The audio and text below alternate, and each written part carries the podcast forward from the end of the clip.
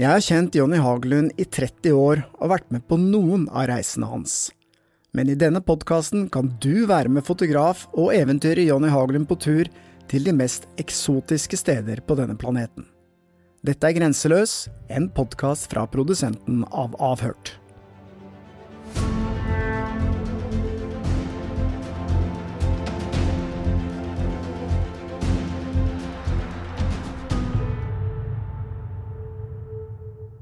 Ja, Jonny. I dag eh, skal vi til nye, spennende steder i verden, men uh, hvor? Det lurer jeg fælt på, det har du ikke sagt et ord om Nei, jeg har ikke det.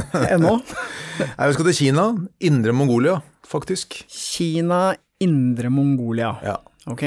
Og så Ytre Mongolia, da, som hvis du skal, det er landet Mongolia, som vi eh, kaller for det. Men Indre Mongolia er en uh, provins da, i Kina. Det er en ganske glissent bebodd eh, provins, og der ligger det noe veldig merkelig som jeg Jeg leser jo masse altså bøker eh, om alt mulig rart, ikke sant. Og den, jeg fant en bok eh, på Amazon vel, eh, som handler om Kinas spøkelsesbyer. Ok, så Kina har det også. Ja, det skal jeg love oss. Og denne vi skal til nå er vel en av de aller, aller største.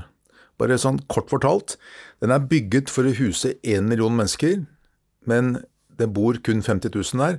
Og halvparten av dem bor der kun i helgene. Så du kan si midt i uka så er det 25 000 innbyggere i en by som, husa, eh, som kan huse også én million innbyggere. Men hva var bakgrunnen for å bygge en Ja, sånn by? det var det det. rett og slett for å få folk ut fra Nei. andre byer, eller? Nei da, også det som skjedde var det at de hadde eh, de- de- området rundt da, rundt eh, Kangbashi, eh, både gull og, og kull, det var liksom en stor eh, industri der, og de fant mye, og det, fremtiden så veldig bra ut da. Så de tenkte at eh, vi må få flere arbeidere hit, tenkte da, dette er ganske langt ute i, eh, ute i Eita, ute på slettene, så de tenkte, lokale myndigheter, at eh, vi må få flere arbeidere hit og flere investorer og alt mulig, så vi bygger en stor by som vi kan til, med sånn fancy, flott by da, for det, de gjør jo det, vet du, de er kjempeflinke til å bygge kinesere, ikke sant?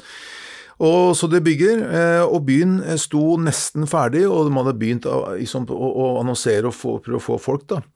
Men så er det dette her med luftforurensning i Beijing. I Beijing så er det, den plages så veldig mye av smog, ikke sant. Eh, og den smogen, den er jo en ting er lokal forurensning, men det er også fordi at eh, vind blåser støv ifra Indre Mongolia over altså mot Beijing. Da. Og en av de som var med og lagde denne smogen, var den der driften av altså kullgrunn og, og, og gullgrunne i dette området her. sånn. Dermed så fikk eh, lokale myndigheter eh, nei, forbud av eh, statlige myndigheter. Nei, dere får ikke lov til å utvide denne driften. Så dermed måtte du bare Ja, ok, men vi har bygd en by som er Vi har plass til en million mennesker her. Sorry. Dermed så ble byen stående. altså Den begynte i 2003 å bygge byen, og bare noen få år seinere sto den jo ferdig, nesten ferdig. da. Eh, og der står den i dag. Helt utrolig. Så, så grunnen til at denne byen da ikke ble be, blitt bebodd, for å si det sånn, er fordi at eh, de ville ikke ha mer forurensning i Beijing. Nei. Det er for å begrense smoggen da, som eh, kommer over eh, Beijing. Eh, og ja, det, det høres jo veldig merkelig ut, ikke sant. Men uh, dette her også, dette her var jo på en tid hvor uh, dette med luftforurensning var et stort uh, liksom, tema rundt omkring i verden. liksom Forurensning. Eh, jeg var der i, eh, skal vi se, 2018 var jeg der vel. Ok. Så, så dermed så, så Beijing ville jo både fordi at de plages av smog, og fordi at de kanskje også ville vise jeg vet ikke, godt ansikt. Men jeg vet ikke om det har løst så veldig mye, for jeg var jo i Beijing for eh, ja, hva blir det, fire år siden. Og jeg husker jo det at du, eh, du kunne ikke se sola tydelig, for å si det sånn. Det var ganske sånn ja, en ordentlig masse foran der da, som sperra, Ja. selv om det var klarvær. Ja da, ja da, det er klart at det, det, det er jo ikke jeg vet ikke hvor mye bedre det har blitt, ja, men i hvert fall også, så er det sånn i Kina at når myndighetene sier sånn blir det, så blir det sånn. Folk eh, Det er ikke noen komiteer som skal utrede dette. Nei, det er ikke noe, det ikke noe Nei da, det er ikke Støre som styrer her. Men, Men du eh, bestemte deg for å dra dit? Jo, fordi at det, altså, jeg syns det er veldig fascinerende med sånne type altså, For det første så er det en, en by med store skyskrapere midt ute i, på slettene i indre Mongolia. liksom, plasseringen er jo merkelig. Altså, selvfølgelig Når du tenker på drift av kull og, og gullgruver, så forstår du det, men likevel så er det Synet er jo fantastisk. Og når det da i tillegg er tom også, jeg, jeg husker klokka ni om morgenen, åtte-ni om morgenen, så gikk jeg rundt i gatene. Midt i altså en firefelts uh, gate i dette her, uh, denne byen. Og det er ikke en bil, det er ikke et menneske, ingenting. Uh, byen Sto ferdig. Mm. Eh, det var vel 2007-2008, eh, vel. Jeg mener det var eh, sto ferdig. Det er jeg ikke helt sikker på. Det er litt sånn Dette med datoer eller årstall er litt vanskelig, fordi i, i, 2009 så var en av Al Jazeera, er ikke det sånn uttalelse, mm. en journalist derfra, Melissa Chan, hun oppdaget Kangbashi tilfeldig ikke spør meg hvordan det. Men iallfall så hadde hun Hun var den første journalisten som presenterte da dette her, denne her tomme spøkelsesbyen for uh, omverdenen. Hun ble utvist av Kina.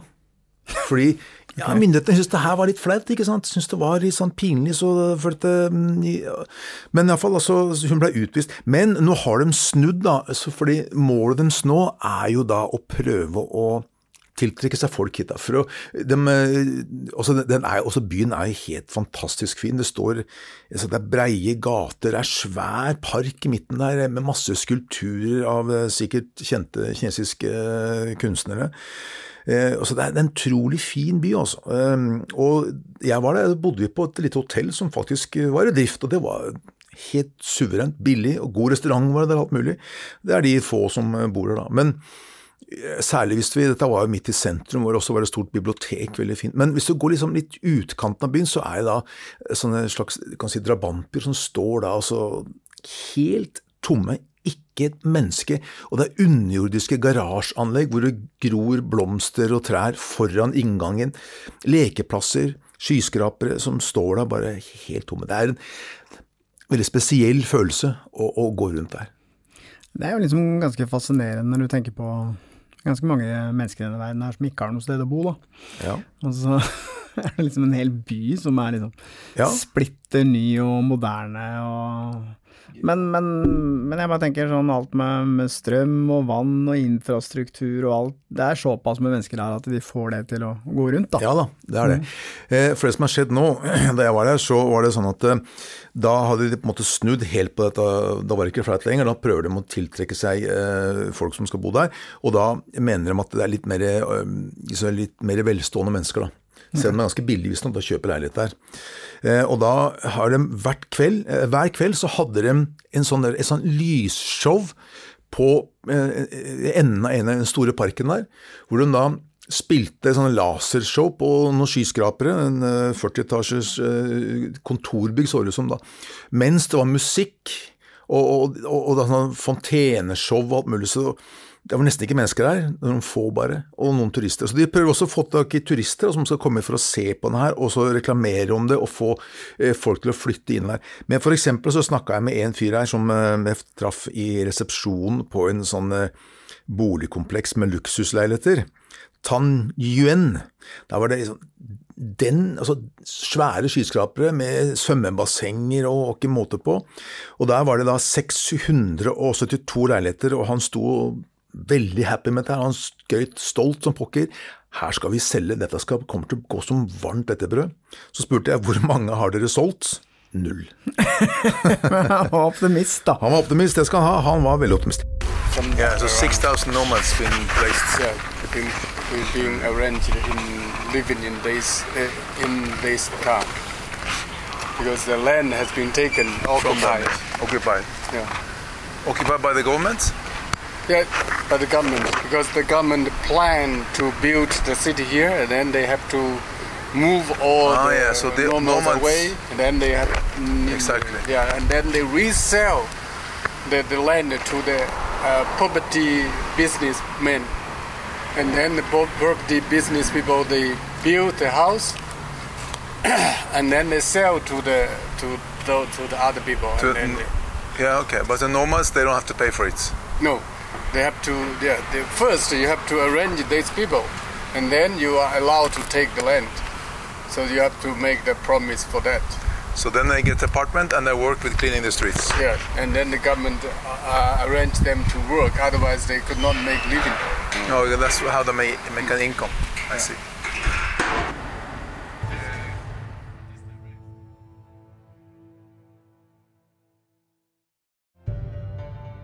Men klart, det er jo også en annen side av denne byen. Da, fordi at det, For å bygge denne byen her, her bodde det, eh, ifølge flere kilder, eh, bodde rundt 6000 nomader. Det er et stort område de har okkupert. ikke sant? Eh, og de ble tvangsflytta ut av eh, området når, da byen begynte å bygges da i 2003. Eh, og noen av dem har fått jobb da i eh, denne her byen med å rydde parker og sånt noe. Og også noen har fått da eh, leilighet der, hvor de da betaler lite, og så bor de i svære leiligheter. Men ikke sant, det er noe med å putte nomader som er vant til å ha hester og, og, dyr ikke sant, ute på sletten og leve litt sånn litt fritt liv, eh, plutselig stappe dem inn i betongblokker. Det er ikke det, det, kan, for en som bor i Oslo eller en by, så er det oi, fristende, ikke sant, flott og fin leilighet og alt mulig, men hvis du er vant til nomadelivet, så er ikke det alltid. Så det har vært litt sånn gnisninger der, da. Men det, problemet er at mange tør ikke å si så mye, ikke sant. Eh, Vo, som er min, eh, som jeg har kjent i mange år, og som jeg har brukt som tolk der borte, han er egentlig fra en helt helt annet område av Kina. Eh, Guizhou. Men uh, han er uh, ganske uredd, så han spør jo Graver han, uh, og fortalte det at det er, ja, det er en del ting de har gjort, lokale myndigheter, da, og tråkka på disse nomadene. Men ok, vi er liksom i indre Mongolia. Ja. Det er sånn slettelandskap, er det ikke det? Jo. Det er vel ikke så mye fjell og fjorder og sånn? Slettelandskap. Og der har de ført opp denne byen, men hvordan er, er det bygd liksom mot motorveier inn til byen og sånn? Ja, ja. Så du kan liksom kjøre på fine, ja. flotte veier fra byen og, og ut? Mm. Det er vel bare noen, jeg tror det er 20 km, 25 km unna, så ligger Ordo, som er en annen by hvor det, der disse gullgruene ligger, da, blant annet. Der jobber en del av de som, eh, altså halvparten av de som bor i Kangbashi, jobber jo der. da. Og der er det svære firefelts motorveier eh, som går mellom disse to byene. Det er jo ikke biler der, men det er noe så. Men eh, så ja da, det er veldig enkelt å komme dit. Og ja, hvordan reiste du for å komme dit? Jo, eh, reiseruta vår var at vi fløy da rett og slett til Hohot. Vi eh, tok eh, flyet hmm, vi fløy via en annen kinesisk by. Det er jo så mange Det er veldig greit å fly innad i Kina, ikke sant. Og så fløy vi da til slutt, så landa vi der i Hohot, som er hovedstaden i Indre Mongolia. Og derfra så leide vi en bil, og så kjørte vi da til Kangbashi. Ok, så hvis du ønsker å utforske dette og ta en tur til Indre Mongolia, så er det ikke så vanskelig å komme seg dit. Nei, ikke i det hele tatt. Det er, altså, det er, jeg må bare, jeg kan ikke få sagt det nok. Også hvor, altså, klart, Min interesse er jo selvfølgelig litt snål, kanskje, men altså, det å vandre om morgenen i disse her tomme gatene og se det bare står blokker på blokker på blokker på blokker, tomme for folk. Det er, det er helt fenomenalt. Og så er det jo Mange av stedene er jo åpne, det er bare å gå inn. Vi gikk inn i sånn garasjeanlegg, gikk vi under blokkene, gikk vi inn i en andre blokken og kikka, så fant vi en blokk hvor det bodde, eller skulle flytte inn en, en, familie. da. Jeg tenker En blokk hvor det er kanskje da 100 leiligheter, og så velger å bo der helt alene i femte etasje. Det er jo altså, da, da det, det, blir ikke noe problem fra naboene, da. Og, du kan bråke så mye du vil. Du kan bråke så mye du vil, ikke sant. men, men altså, det er, det er, veldig fascinerende. Jeg, jeg, tipper det kommer til å flytte flere eh, folk inn i byen etter hvert. Men problemet er hva skal de leve av, hva skal de jobbe med? Altså, det, Ordos ligger jo som sagt noen kilometer unna. men jeg vet ikke hvor mange arbeidsplasser det er der. ikke sant? Det må jo være noe å, å leve av. Du kan jo ikke alle kan ikke feie gatene i Kangbashi. Nei, det må jo være noe næringsvirksomhet ja. eller et eller annet da, som skal etableres der. Det Er jo, kineserne er jo kjente for å etablere kjempestore fabrikker og sånn, men du så jo ikke noe til det der. Nei, ikke sant, ingenting. Så det eneste var disse kull- og gullgruer, da. Men eh, så lenge Beijing sier nei, så er det nei. Indre Mongolia, hvis du skal beskrive området, landskapet og hva som er verdt å se, hva tenker du?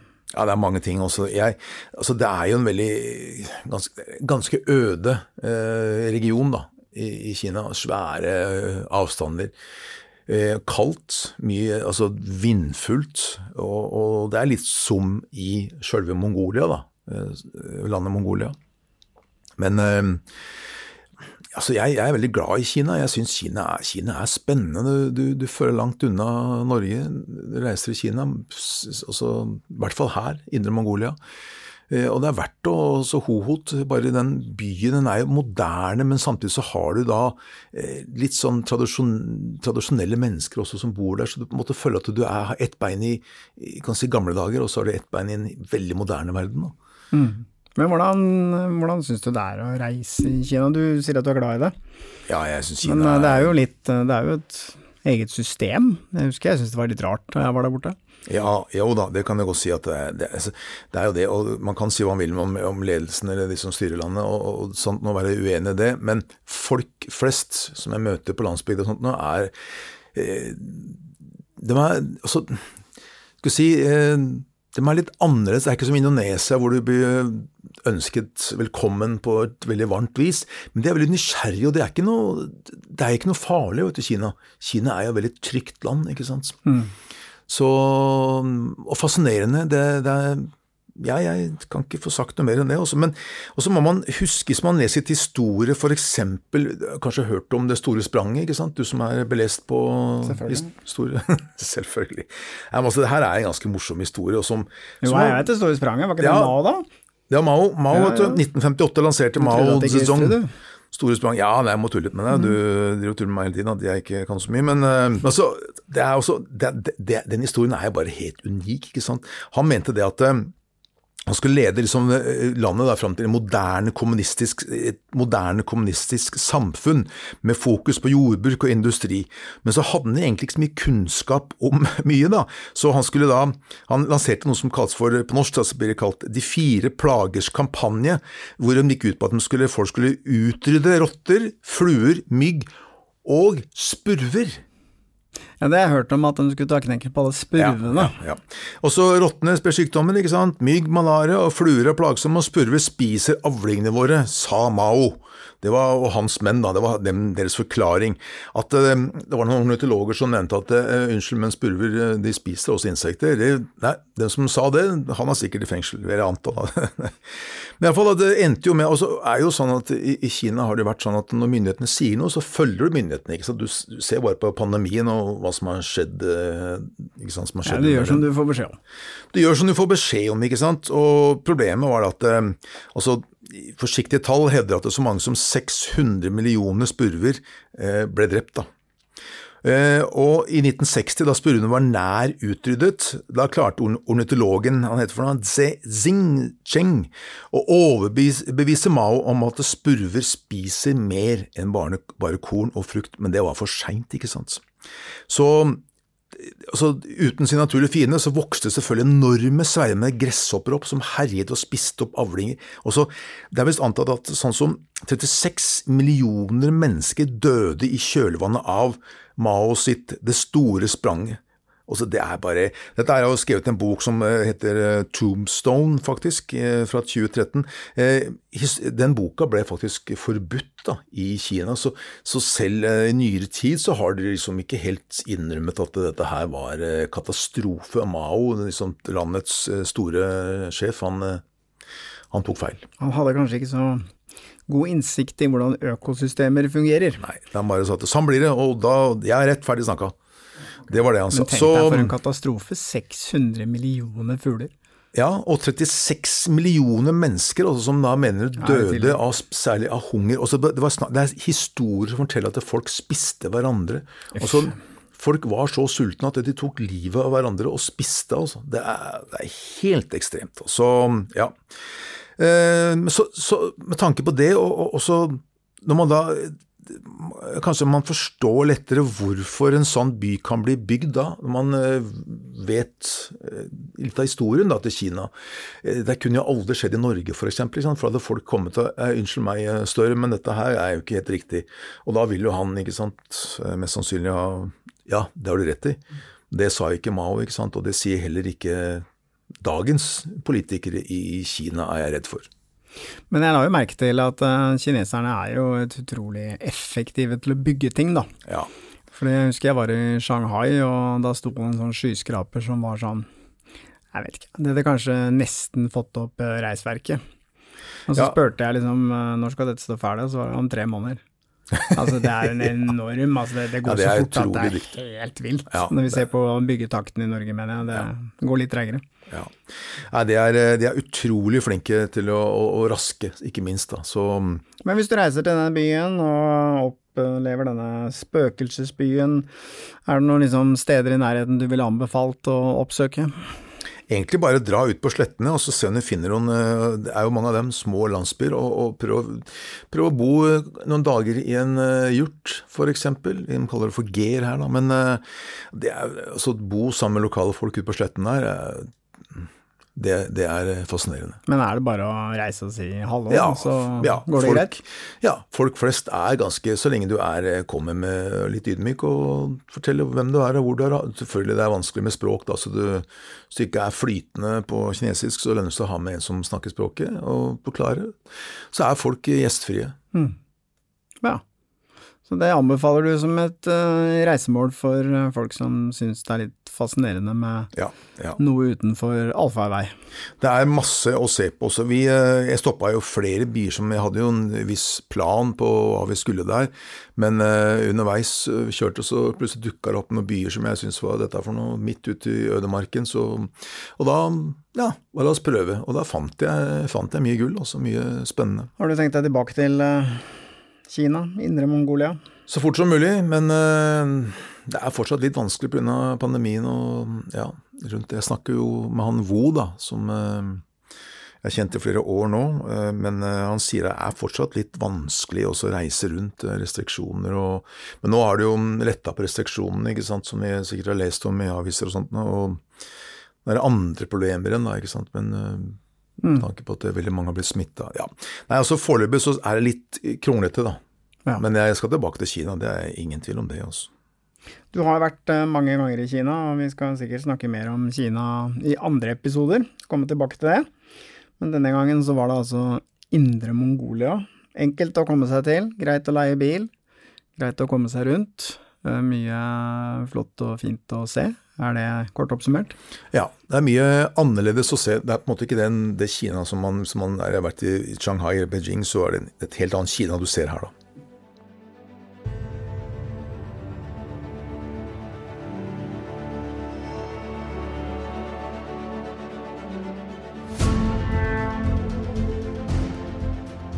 Grenseløs er produsert av Batong Media, og hvis du vil se bilder fra denne turen, kan du gå inn på Instagram og søke opp Jonny-Haglund.